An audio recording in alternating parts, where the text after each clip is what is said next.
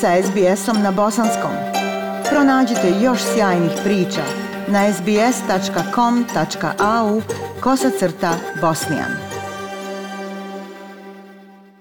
Raste zabrinutost većeg broja Australaca koji se nalaze u inostranstvu zbog novih restrikcija koje bi mogle spriječiti ili odložiti njihov povratak. Savezna vlada je prepolovila broj letova koji stižu iz inostranstva, a putnici iz Ujedinjenog kraljevstva moraju imati negativan rezultat testa na COVID prije nego se ukrcaju na avion.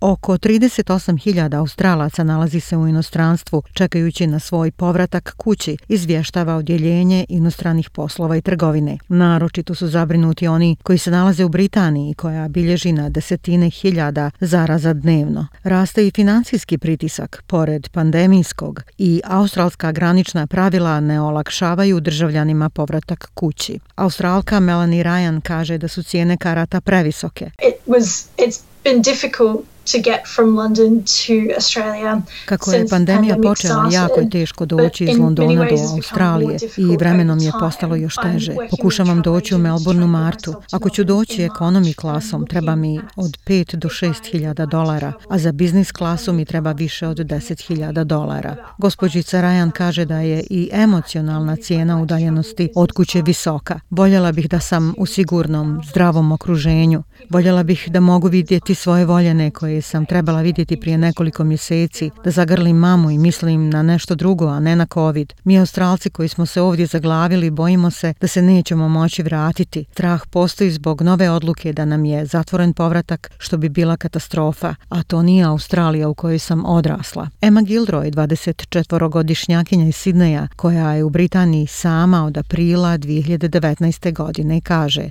Yeah, it's scary. Um, you know, I think the statistic at the moment is one in 30 people here have COVID.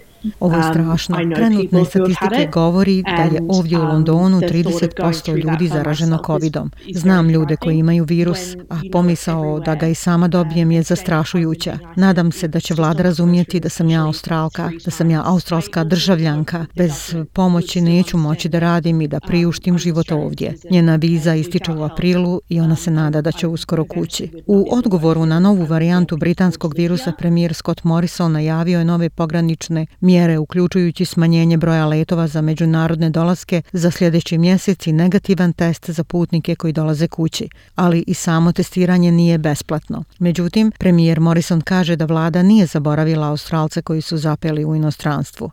15 and a half million dollars has been provided to people overseas to assist them and that's with some short term financial assistance uh, zero interest loans those types of things. Obezbijeđeno um, je 15,5 miliona dolara da se pomogne ljudima u inostranstvu. To su kratkoročne beskamatne pozajmice više od 4 miliona dolara ide za male kredite i 11 miliona direktne financijske pomoći za sve koji su u nevolji u inostranstvu. Premijer je naglasio i da se posada međunarodnih letova mora redovno testirati i nositi maske. Gospođica Gilroy kaže da je čekanje bolno. Currently I'm on uh, flight number three um, and uh, fingers crossed but unfortunately so the first two flights have been cancelled. It's really hard. You kind of Trenutno sam na letu broj 3. Prva dva leta bila su otkazana. Niko nije mogao predvidjeti posljedice globalne pandemije. Mi koji smo od kuće i ne živimo, već samo egzistiramo. SBS na bosanskom. Podijelite naše priče preko Facebooka. Želite poslušati još ovakvih priča? Slušajte preko Apple podcasta, Google podcasta, Spotify ili kako god da primate svoje podcastove.